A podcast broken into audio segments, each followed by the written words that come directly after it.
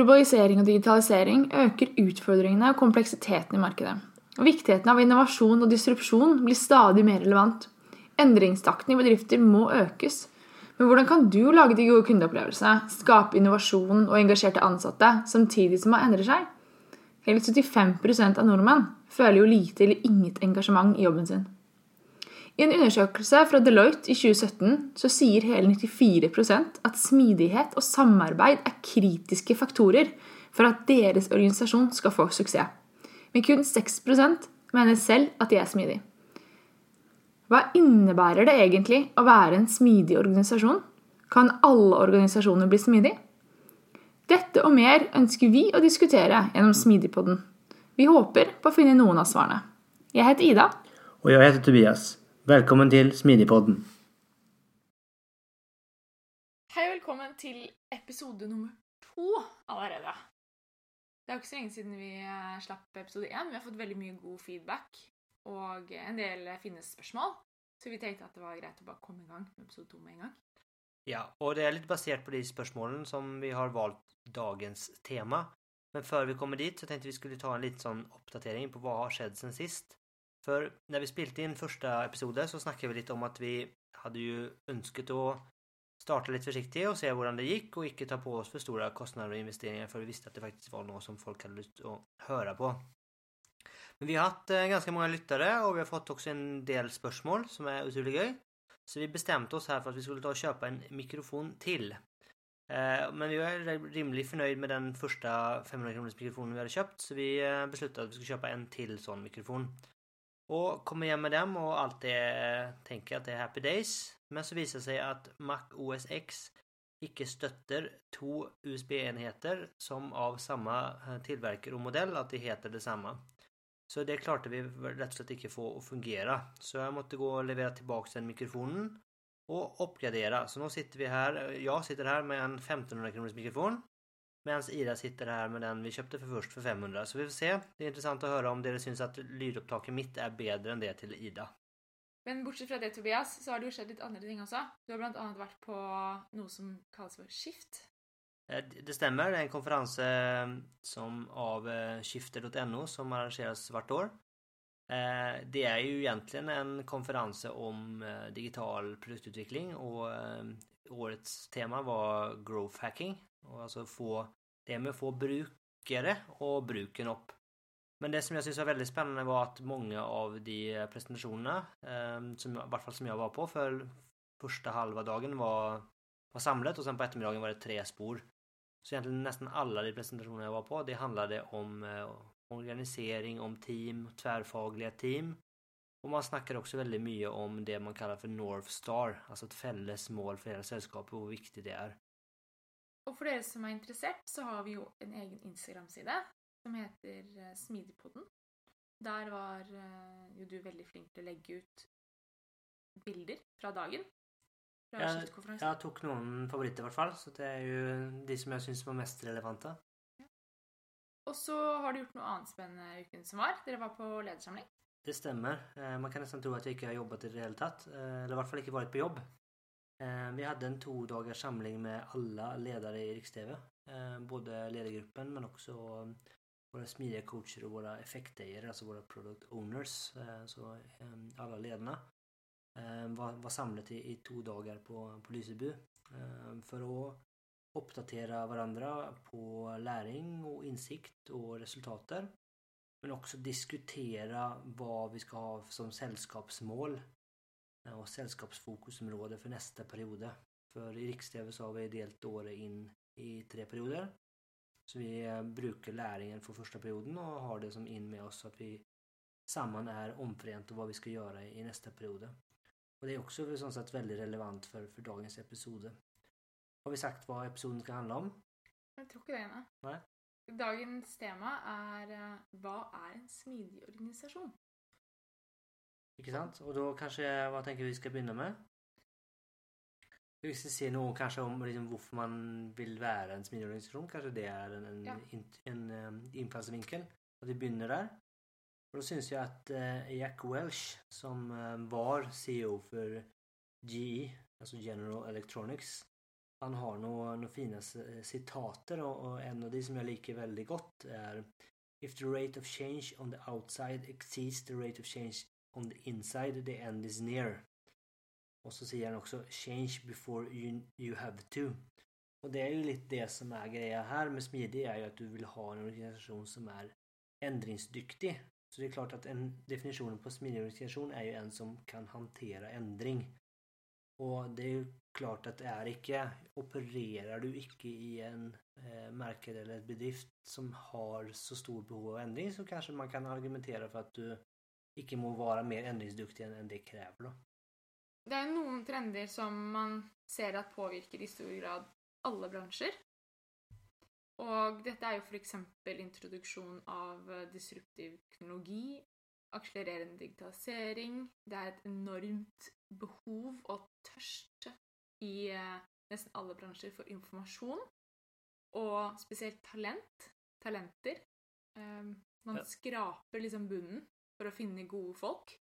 Ja, det är ju klart att det är ju väldigt vanskligt för alla att rekrytera och att mycket av den enklare arbetsuppgifterna blir ju automatiserat idag. Så det är ju de som är flinka och som kan tänka för sig själv som är det mest attraktiva.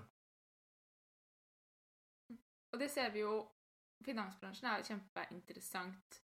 En intressant bransch här då, syns i alla fall jag. Kanske lite biased. Men uh, der ser vi at både eh, automatisering det begynner å slå til for fullt i bransjen. Kanskje litt sent, mener noen, men uh, sånn er det nå.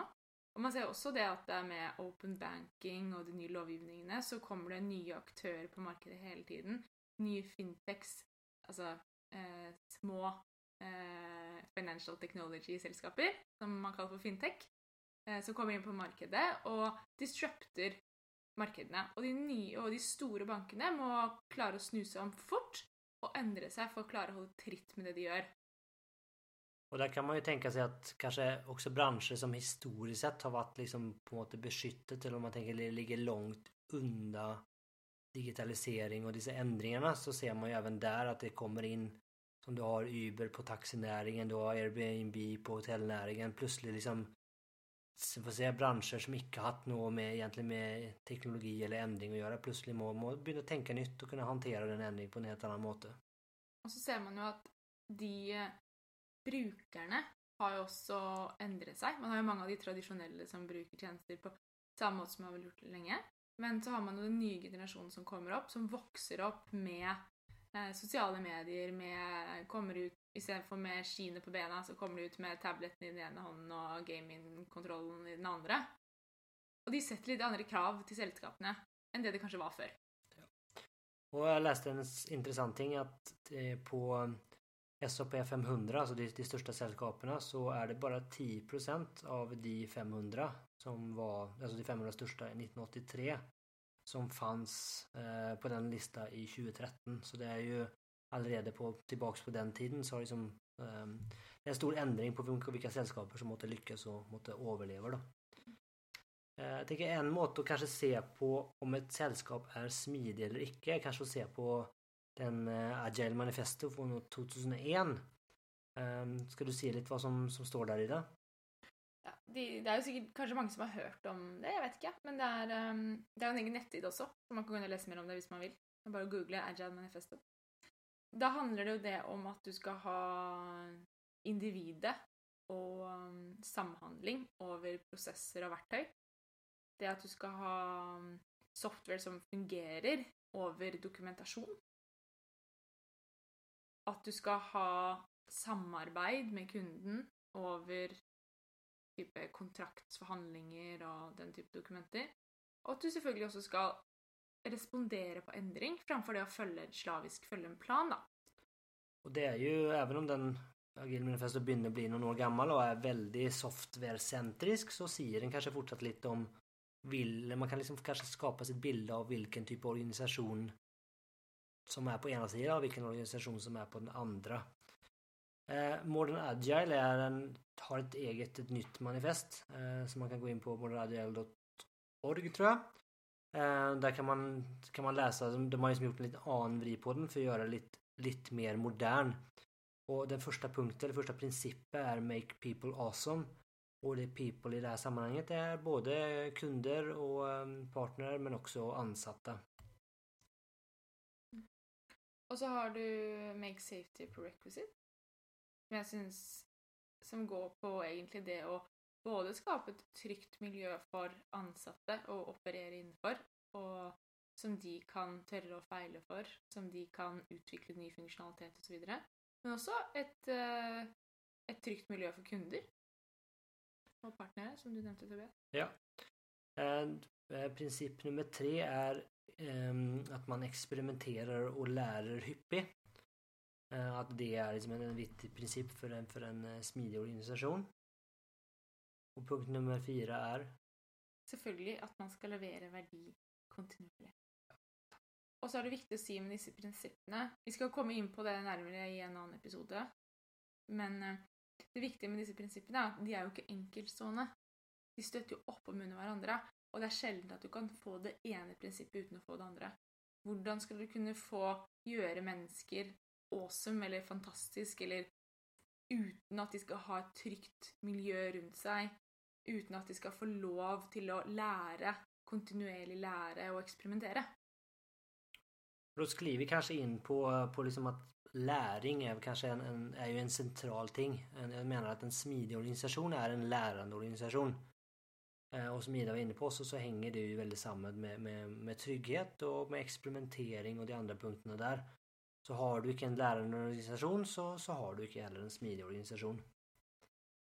Har du några tankar om hur en smidig organisation är organiserad, Ida? Akkurat det vet väl nästan du mer om än mig. Men um, du har ju typ um, Har du en nätverksorganisation uh, eller har du en flat struktur? Alltså, det är ju liksom nyckelord kanske? Jag är helt enig och det sån i vart fall sån smidig historiskt sett så är ju team varit en, en väldigt central del. Eh, och man snackar om autonoma team, man snackar om tvärfagliga team. Eh, och det är ju kanske lite sån oklart vad det betyder men jag skulle liksom för vi går in i dybden där så så jag är inte nödvändigtvis säker på att, att för att vara en smidig organisation så må du ha team. Eh, I vart fall inte statiska team. Eh, och det finns liksom lite försäljiga exempel på, på försäljiga organisationer men det är klart att en teamstruktur eller någon form av samarbetsstruktur är, är väldigt viktig men det kanske samarbete i sig själv och delningen av erfaring, av kompetenser och att man, man hjälps åt och att man jobbar mot samma mål som kanske är mer centralt än själva teamet i sig själv. Det tror jag är väldigt viktigt. Jag tror det tvärfaglig, tvärfaglighet är väl väldigt viktigt. Ja, jag är helt enig och det, det har ju med att göra att man för att lösa ett komplext problem så må man liksom angripa det problemet från flera håll med olika eh, erfarenheter och kompetenser och att man samman, samman jobbar om det. Och någonting där med, är ju med team är ju med autonomi och det tränger ju, vi snackade lite om det i första episoden. Men det är rätt och sagt att man, man är, de som är närmast problemställningen har lov till att göra det Eh, de tränger för att finna ut av det och de har lov att fejla och de har lov att pröva ting och de har lov att göra ting på sin måte för det de menar är den, är den bästa. Och det är kanske viktigt här att liksom i en traditionell organisation så har du oftast, eh, i alla fall, en väldigt hierarkisk eh, struktur där ting må måtta upp och godkännas för det, för det blir för det blir exekverat och det gör ju att ting kan tendera att ta väldigt lång tid att du finner problem, du kanske utarbetar något förslag, det blir godkänt, det, du kommer tillbaka, att du kan fortsätta jobba med det och så går det fram och tillbaka. Och när du äntligen har fått ut ett, en produkt eller vad det måste vara så är det kanske för sent. Det är kanske någon sällskap som redan har löst det eller problemet är inte, är inte viktigt nog för kunderna längre. Men hur ska man sörja för att det inte sker då? Ja, det är ju att de teamen eller den organisationsenheten, eller vad vi kallar det, har mandat nog till att ta de avgörelserna de, de tränger. Att det är liksom tydligt vad de kan operera inför och vad de måste satt till att lösa. Uh, det kommer vi lite mer in på det med, med mål och rättning och strategi lite senare i episoden. En annan viktig ting eller ett annat kännetecken är ju att du i större grad är cellorganiserande. Så att du icke har en, en leder som kanske dikterar eller säger vad du ska göra utan team eller enheten cell um, sörjer för att, att leda sig själv och organisera sig själv och finna ut vem som gör vad och hur man önskar att samarbeta och lösa den uppgaven. Men är det så att man inte trenger någon ledare? Nej, det skulle jag inte säga. Jag menar att en, en ledare absolut har en central roll in i en smidig organisation. Men det är klart det kräver en annan eh, ledarstil. Eh, det kräver kanske en lite annan eh, syn på, på ledelse. Och att en, en ledare kanske i större grad är med och förtälla och visa eh, vägen och sätta rättningen. Och att i stunder så kanske du om viss måtte facilitering och sånt icke sker av sig själv så kanske du är mer en faciliterande ledare. Och att du hjälper teamet till att, att finna de svaren de tränger eller få organiserat eh, jobben på en, på en riktig och god måte. Det är väl flera, som, flera organisationer som har definierat detta som en typ av servant leader? Det är riktigt och det är klart att du, servant leadership är ju, är ju väldigt centralt här och att du kanske har liksom snudd på eh, vad ska jag säga, eh, förhållet kan du kanske säga att du har att det är inte de ansatta som servar ledaren utan det är faktiskt ledaren som, som servar de ansatta och sörjer för att de har det de tränger. Det kan vara allt från eh, verktyg till, eh, till sådana ting men också att de kanske vet vad de ska göra av, av mål och, och kopior och vad det ska påverka. Så du rätt och slett har en ledare som, som hjälper sina ansatta till att lyckas, till att växa och till, till att bli bättre. Och det är väl egentligen det som är skillnaden på en, eh, på en leader och en manager, eller en chef och en ledare, som det heter på norsk. Det är detta med utveckling av människor framför micromanagement och kontroll av vad medarbetarna gör. Och det är ju det som en ledare ska göra. En ledare ska ju utveckla människorna som, som personen har ansvar för. Inte micromanage vad de brukar tiden sin på. Och det är också för att ledaren ska ju också bruka sin tid på mer organisationsutvecklande uppgifter än det att sitta och kontrollera en medarbetare. Ja, och kanske inte vara nere i detaljerna utan låta sina ansatta ha kontroll på detaljerna och så kan en ledare med jobba på det stora bilder, det överordnade, i kanske trender och det ändringar som sker i marknaden så att du kan vara med och rusta organisationen för att möta framtiden på en bättre måte. Mm. Och det går rätt på det att eh, för att en en medarbetare, en ansatt, ska kunna göra det, ta de beslutningarna som är relevanta för ens egen ställning, så tränger man transparens, genomsiktighet. Du må ha kommunikation framför kontroll fra ledelsesperspektiv. Och då är det med att liksom tillgängliggöra information till de ansatta. Där är ju, syns jag, väldigt, väldigt fint ehm, Stanley McChrystal. Han var ehm, han ledde vad säger, amerikanska hären i jag tror det var i Afghanistan efter 9-11 eh, och han måtte gjorde om hela hela måtte, måten de tänkte jobba på för att kunna hantera sin embassy. Mer smidiga nya fiende som var denna gång Al-Qaida. Som är väldigt eh, autonoma team organiserat eh, som är som klart att beväga sig mycket snabbare än de kanske stora landen man historiskt sett har varit i, i krig med. Eh, och han sa det att det, liksom, det med att göra information tillgänglig var helt centralt och det är nästan omöjligt för en människa att veta vilken information som andra tränger. Så måtte den need to know basis liksom må utgå helt och han måtte gjorde väldigt mycket av den informationen som var helt tidigare mot hemligstämplet och klassificerat eh, som hemlig tillgänglig så att mot alla kunde få ta del av informationen så att de kunde måtte agera på bäst möjliga. Att de hade de all information de trängte för att kunna rätt och slett agera och, och göra det som var nödvändigt för att ta denna se, mye nya smidiga fienden sin. Var det han som sa share until it's illegal? Ja, det, det, stämmer och det är klart att kan eh, man säga, amerikanska försvaret se att du ska dela ting till det nästan almost illegal tror jag faktiskt han sa men, men, men likaväl så eh, det, han har poäng där så det är som dela information, göra den tillgänglig är, är väldigt, väldigt viktigt. Det är en ting till jag har lust till att, till att ta upp för vi beväger oss bort från ledarrollen. Och det är något jag läste här mm, i går eller i förrgår och det är detta med att man måste känna sig själv för man kan utveckla andra. Och det syns jag egentligen är väldigt fint för alla ledare att ta med sig vidare. Självinsikt rätt och slett? Ja, självinsikt. Ja. Runt vad du själv Hva er, det du selv, hva er dine utfordringer? Hva er dine styrker? Eh, Hvor er det du vil hen? Mm. Hvordan skal du kunne klare å coache og rådgi en medarbeider når du ikke engang selv kjenner deg selv? Det är ett väldigt gott poäng och det tror jag är, eh, det är en viktig del. Jag tänkte att nästa ting vi ska snacka om lite är psykologisk trygghet. Och där är det en spännande undersökning från Google som har gjort sett på alla sina team och sett på vilken parameter är bäst till att förklara hur effektiva det är. Och där man fann ut att psykologisk trygghet är det som har allra mest att se hur vitt eh, teamen fungerar och, och levererar mycket eh, hög kvalitet. Eh, och så har jag hört någonting som är väldigt spännande är också att um, Visst man får lov att vara sig själv um, så man icke tränger och måste lata som man är en annan så har det också en, jag tror jag, 25% påvirkning på, på resultatet. Så att i löpet av en dag så brukar du omtrent 25% av vad ska jag säga, tiden eller kraften din på att pröva och passa in och tänka att du ska säga de riktiga tingarna.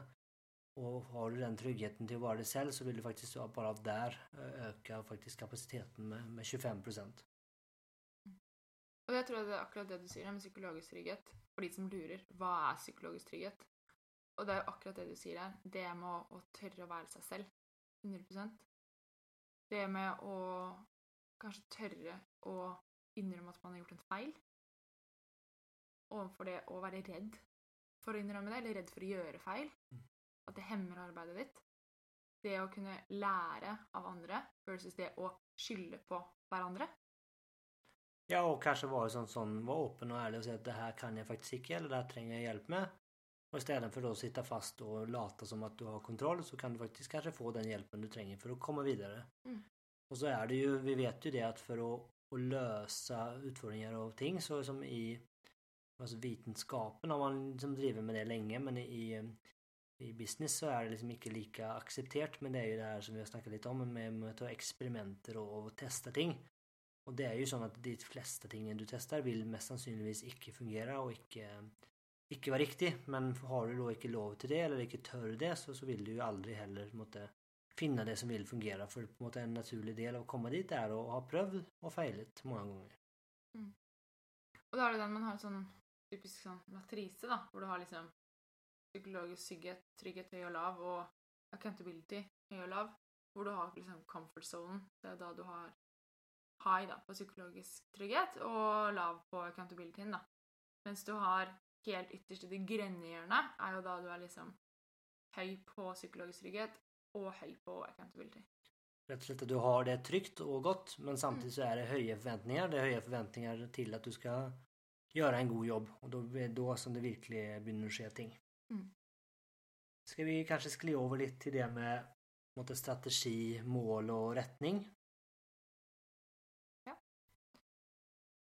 Og du var jo litt inne på det helt først i dagens episode, Tobias. Dette med Lysebu-samlingen deres. Det at dere var der for å sette mål.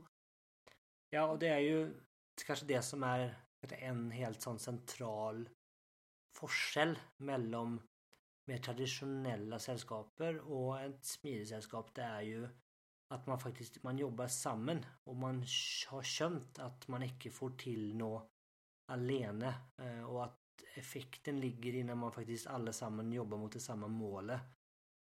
Eh, och det brukar ofta snacka om, om North Star, alltså en, ett, ett mål som man kan, kan orientera sig mot som är mot det eh, lite sånt stort men också samlande som, som man kan jobba för, för att nå. I en traditionell organisation så är det kanske mest vanligt att var enkel ledare eller var enkel avdelning um, har sina KPIer som de jobbar för hårt för att, att nå. Uh, och klart i bästa fall så är dessa icke uh, avhängiga eller har negativ konsekvens på varandra utan det är kanske i viss del klarar att, att nå, nå del av det här men det är klart i, i väldigt dåliga caser så, så är det rätt och slätt så att för att den ena avdelningen ska nå sina mål så må den andra avdelningen faktiskt fejla.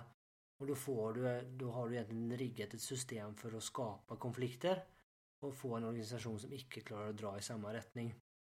Ja, och då är det ju så att i smidiga sällskaper så har du inte några personliga bonusar utan man är ju upptatt av samarbete och att man träcker i samma riktning. Och en sån typ av belöning eller något som gör att dina mål blir viktigare än, än totaliteten är ju väldigt hämmande och du kan fort skapa konflikter och du får också väldigt liksom, rara beteenden. Eh, och då är vi egentligen liksom inne i det med intern motivation versus extern motivation. Kan jeg bare komme med en litt interessant eh, historie? Ja. Eh, jeg husker no- Det var for i noen, et par år tilbake, tror jeg. Det var, så var det et av disse Jeg husker ikke hvilke av selskapene det var, men det var et av de fiskeriselskapene i Nord-Norge som gikk med et voldsomt overskudd. Eh, og det de bestemte seg for å gjøre, istedenfor å gi kun ledelsen bonuser, så ga de alle ansatte i bedriften lik bonus. Så alle fikk bonus på sånn 250 000, eller hva det var for noe. Eh, fordi de hadde vært så flinke, da. Og det syns jeg var en veldig fin historie, egentlig. Ja, och det, det kanske, det syns jag det belyser det ganska fint att man, man sitter i den samma båt och det är ingen som är viktigare än någon annan utan man, man sammen har gjort en, en god jobb så alla måste bli belönet, belönet för det. Samme fiskebåt. Samma fiskebåt. eh, tillbaks till det med inre och yttre motivation. Så inre motivation är att du, du är egentligen drevet av, av jobben du gör och av uppgifterna dina och att du, du är kanske del av något större eh, som, du, som du inte hade fått till själv utan du faktiskt samman klarar att, att uppnå. Att du har en, en mästring i jobben din, att du, du följer att du, du klarar att lösa oppgavene dina. men det är liksom fortsatt liksom vanskligt och, och, och, och motiverande eller utmanande. Eh, och att du har, det som vi snackade om tidigare, att, att autonomi, att du har möjlighet att påverka hur vardagen ser, ser ut. Så det er liksom en viss flexibilitet kanske både runt arbetstid men också runt oppgaver och, och lösningar. Mens i en mer klassisk organisasjon så er man kanskje veldig drevet av, av ekstern motivasjon. Det er eh, deadlines, det er bonuser, det er eh, høye lønninger, det er hierarkier som du kan gjøre karriere i. Eh, så du promotions, rett og slett, som er, er med og, og driver det. Mens med en smidig organisasjon så er liksom jobb i seg selv det viktige. Mm. Men kanskje en viktig punkt å se, det tenker man ja, men om jobber folk gratis i en smidig organisasjon?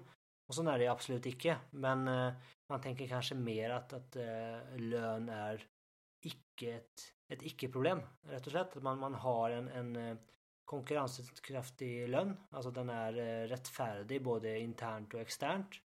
Eh, Den är kanske i största grad fast, eh, att det är icke något du behöver bekymra dig över. Du vet vad du får, och du vet att den är rättfärdig.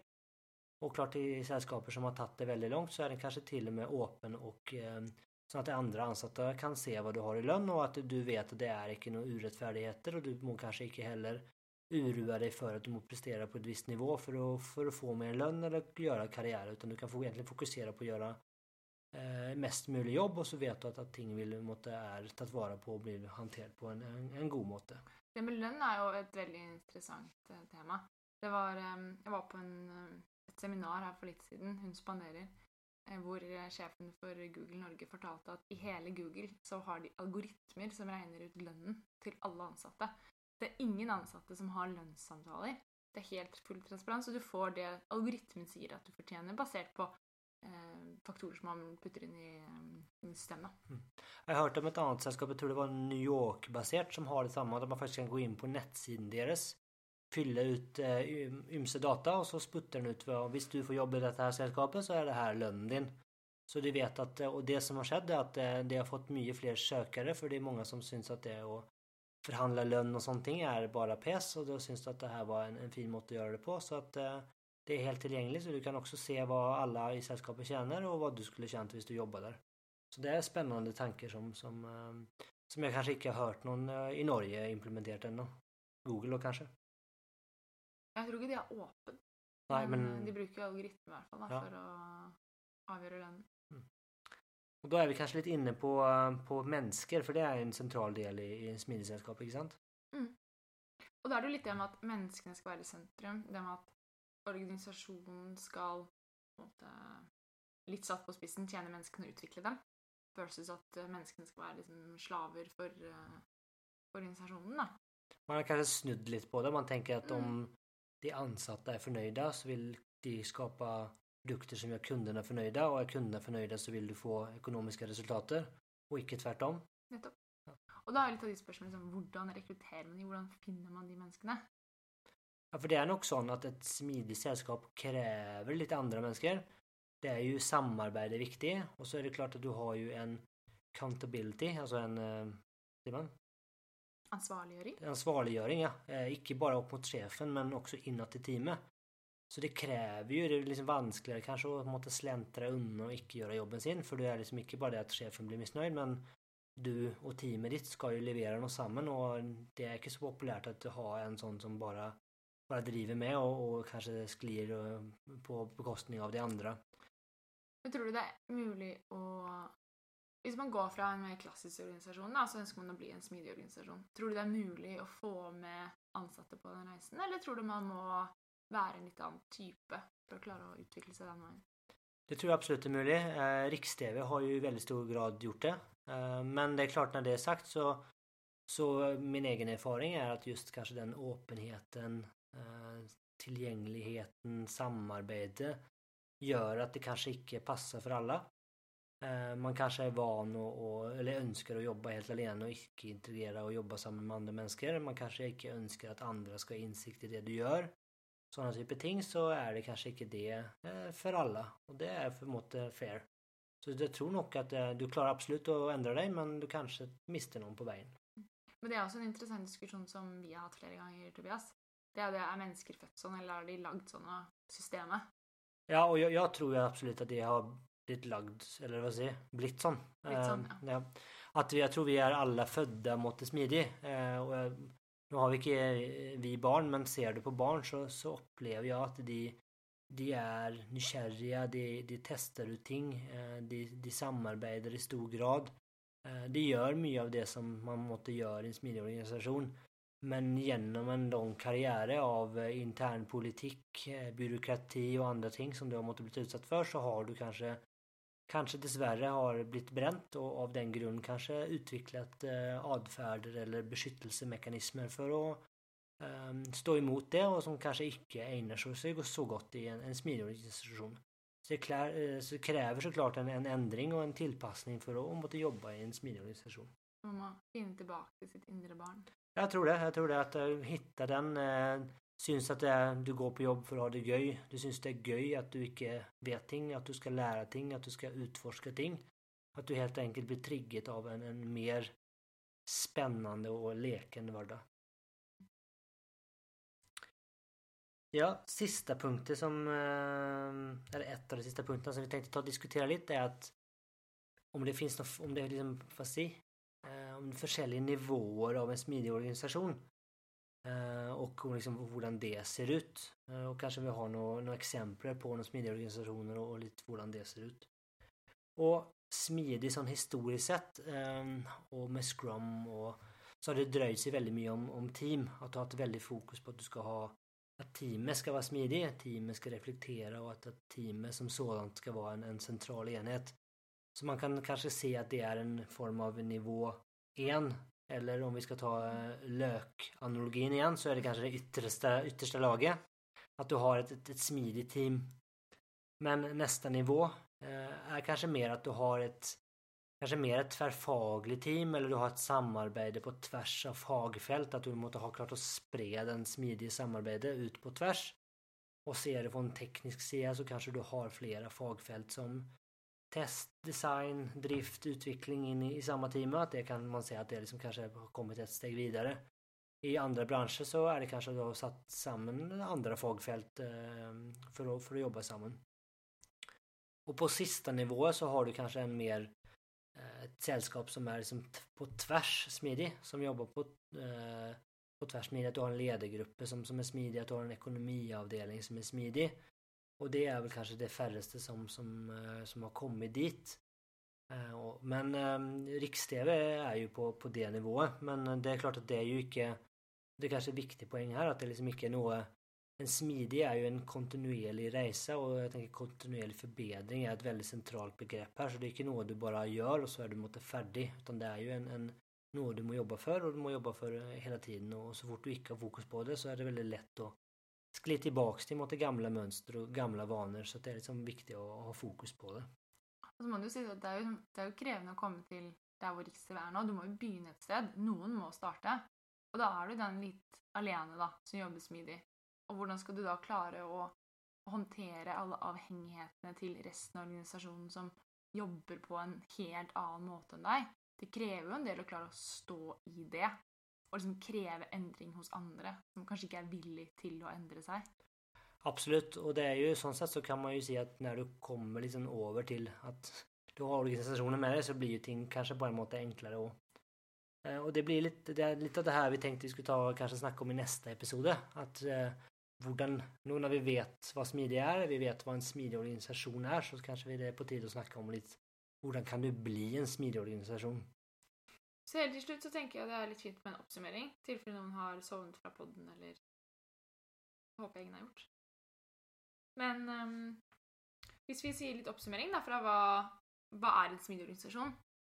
Det er en organisasjon som responderer kjapt på endringer i markedet. Ja, at man faktisk hele tiden har fokus på å lære gjennom uh, hyppige iterasjoner, lanseringer og eksperimenter. Mm. At du har ledere som utvikler ansatte framfor å micromanage. Och att, du, att det är kanske organiserat mer som ett nätverk eller som team där du hela tiden jobbar samman på tvärs av fagfält. Och inte minst att de ansatte de drives av en inre motivation, inte en yttre motivation. Och att de jobbar samman mot ett fälles mål, en fälles rättning, en så kallad North Star. Mm. En sista ting kanske som är väldigt viktig, det är det att de ansatte upplever tillit fra ledelsen fra lederen sin. At de som er nærmest problemstillingen, faktisk får lov til å ta beslutningen. De som er best rustet til å ta beslutningen, er de som faktisk gjør det. Det var alt vi hadde tenkt å si i dag. Så jeg håper at dere syns att det var bra og nyttig. Og så eh, hoppas håper jeg at vi kommer tilbake om ikke altfor lenge med en oppfølgingsepisode. Så det er bare å glede seg til det så er det sånn at vi ønsker oss veldig gjerne tilbakemelding på poden. Både eh, hva vi kan gjøre bedre, men også ting vi gjør bra. Og dersom dere har eh, temaer eller spørsmål som dere ønsker at vi skal utforske, så må dere veldig gjerne sende det inn.